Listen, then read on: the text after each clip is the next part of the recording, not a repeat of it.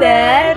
Senang sekali berjumpa dengan kalian semua bersama kita Firnanda Sally dan saya Intan Yunia Putri dalam podcast Titik Temu. Sesuai nama podcast kita nih gengs Titik temu antara aku sama partnerku ini memang benar ya Semua yang udah menjadi takdir kita gak akan ada yang melewatkannya seperti halnya pertemuan tak disengaja antara aku sama Intan yang dulunya teman SD dan teman kecil ya. Dan terpisahkan beberapa tahun karena beda sekolah dari SMP sampai kuliah bahkan. Namun, dipertemukan kembali beberapa bulan yang lalu karena keperluan proyek lomba. Gak hanya sampai situ, Yew. Kita mulai bertukar pikiran, cerita, sampai dipak bareng dong kita. Semua tuh serasa nyambung gitu. Keluh kesahnya sama persis, So, finally kita saling support satu sama lain, ambis bareng dan saling mengingatkan dalam kebaikan. For, kita memberikan sebuah nama podcast ini Titik Temu. Di sini kita akan membahas dan mengupas tuntas seluruh problematika kehidupan yang terjadi pada generasi milenial ya guys. Because kita juga kan next milenial ya kan? Jadi kita sejalan dan tahulah ya pahit manisnya fase menuju dewasa. Yoi, bener banget. Ngomong-ngomong nih sob, gak kerasa ya udah satu tahun lebih nih kita di rumah aja. Apa aja sih yang berubah? Apakah kita semakin produktif? Apa kita malah makin stres karena berada di rumah? Apalagi kondisi seperti ini yang mengakibatkan kita harus mematuhi PPKM yang diterapkan oleh pemerintah. Ih, asli sih, selama di rumah aja nih ya, katakanlah semenjak Maret 2020 until now, aku merasa perubahan yang ada dalam diri aku seperti peningkatan berat badan. Terus ya, keseringan menghabiskan waktu hampir dari pagi sampai pagi lagi tuh ya, di kamar terus sambil pegang laptop sama HP. Ya, mau gimana lagi? Kan emang media komunikasinya itu juga kan selama pandemi gini.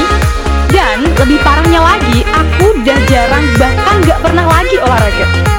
Hmm, aku merasa semua statement kamu ini mewakili para anak muda di luar sana juga deh. Nah, dalam podcast kali ini, kita akan membahas tentang PPKM. PPKM yang kita maksud bukan berarti pemberlakuan pembatasan kegiatan masyarakat. Bukan juga tentang percintaan, pelan-pelan kau mengghostingku tanpa alasan. Tapi, PPKM yang kita bahas adalah perlu produktif ketika muda. Topik yang sangat menarik bukan? Apalagi kita sebagai generasi muda nih, harus bisa membedakan dong mana yang produktif dan mana yang cuma sok sibuk. By the way, aku mau nanya nih sama kamu. Produktif menurut kamu itu apa sih? Dan apakah kita sebagai generasi muda penerus bangsa perlu produktif ketika muda? Alright, produktif menurut aku itu sikap seseorang yang memiliki konsep hari ini harus lebih baik dari hari kemarin dan hari esok harus lebih baik dari hari ini. Sementara jika seseorang yang memiliki sikap toxic productivity di mana mereka melakukan segala hal namun gak tahu progres dan target ke depan mau ke mana dan bagaimana. Bisa dikatakan mereka ikut-ikutan ajakan orang lain, gak punya keyakinan dan pendirian dalam dirinya sendiri. Padahal setiap orang memang mempunyai passion yang berbeda-beda loh. Aku pribadi merasakan nih ya, orang yang produktif itu memiliki karakteristik yang selalu senang, suka tantangan, dan dia enjoy to survive apa yang sedang dia lakukan. Jadi, dengan kata lain, dia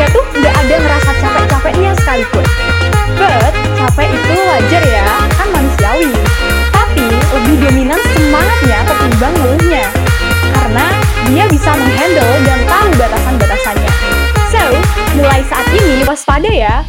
Pikirkan lagi secara matang-matang, your daily activities, is it productive time or toxic productivity time?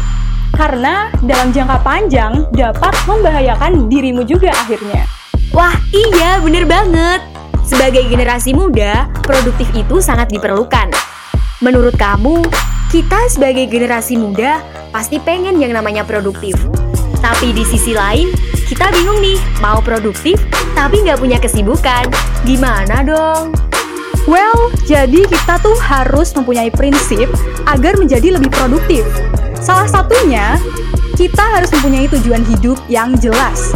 Dalam tujuan hidup ini, membuat kita agar terarah dalam menjalani hidup, dan pastinya kalau kita mempunyai wish yang misal belum tercapai, pasti nggak jauh-jauh amat sama tujuan yang udah kita buat. Jadi, kalau mau kecewa itu nggak kecewa yang mendalam. Oke, yang selanjutnya kita harus bisa memanajemen waktu dengan baik. Misalnya, kita bisa loh mencoba merincikan waktu kita selama tujuh hari berturut-turut. Nah, dari sini kita bisa membandingkan kegiatan kita dari minggu pertama dan kedua. Dari sini juga kita bisa tahu apakah di minggu kedua ini kita bisa lebih produktif nggak ya daripada minggu pertama dan kita juga bisa merubah mindset kita untuk lebih berkembang lagi ke depannya. Wah, tipsnya sangat keren ya. Jadi, kesimpulannya, kita sebagai generasi milenial harus bisa produktif pada masa muda. Apalagi kondisi sekarang ini yang memungkinkan kita untuk stay at home every time. Buat kalian semua para generasi muda, manfaatkan waktu dengan sebaik mungkin. Karena masa muda nggak bisa kita ulang lagi. Dan kita harus memanfaatkan waktu muda kita agar di kehidupan selanjutnya kita gak bakal nyesel sama apa yang udah kita lakuin di masa muda. Dan yang perlu kalian ingat, produktif boleh, tapi kita gak boleh ngebandingin diri kita sama orang lain. Kalau kita mampunya segitu, ya nggak apa-apa. Jangan maksain diri kita sendiri untuk ngelakuin sesuatu yang berlebihan. Itu juga termasuk toxic productivity loh. Nah, itu dia pembahasan kita mengenai PPKM.